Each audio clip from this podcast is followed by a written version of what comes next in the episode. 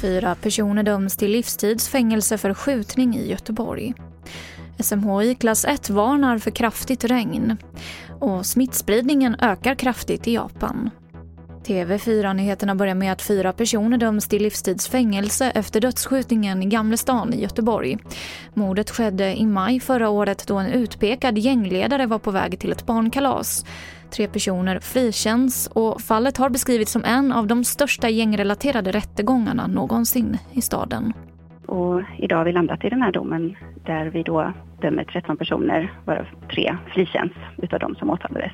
Det har varit en, ja, väldigt mycket bevisning. Det har varit oerhört omfattande muntlig bevisning och det har varit en väldigt stort skriftligt material som åklagaren har gått igenom under huvudförhandlingen och som vi har fått ta del av.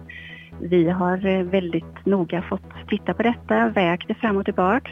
Vi har ju även den här Encrochat-bevisningen som man har eh, talat mycket om i media Eh, och i flera andra mål. Och den har vi fått nogsamt bedöma, se hur vi ska värdera den. Vi har gått igenom den, sett vilken stödbevisning det finns till det. Och så har vi utifrån det då kommit till de slutsatserna som vi redovisat idag. Det sa Cecilia Ahlström som är rådman och en av två juristdomare i målet.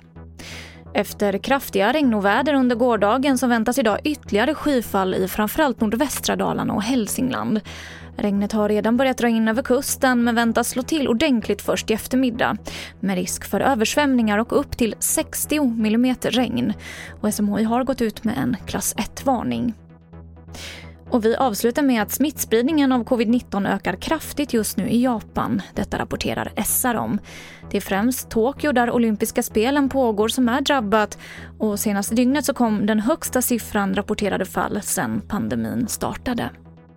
Och det här var det senaste från TV4 Nyheterna. Jag heter Emily Olsson.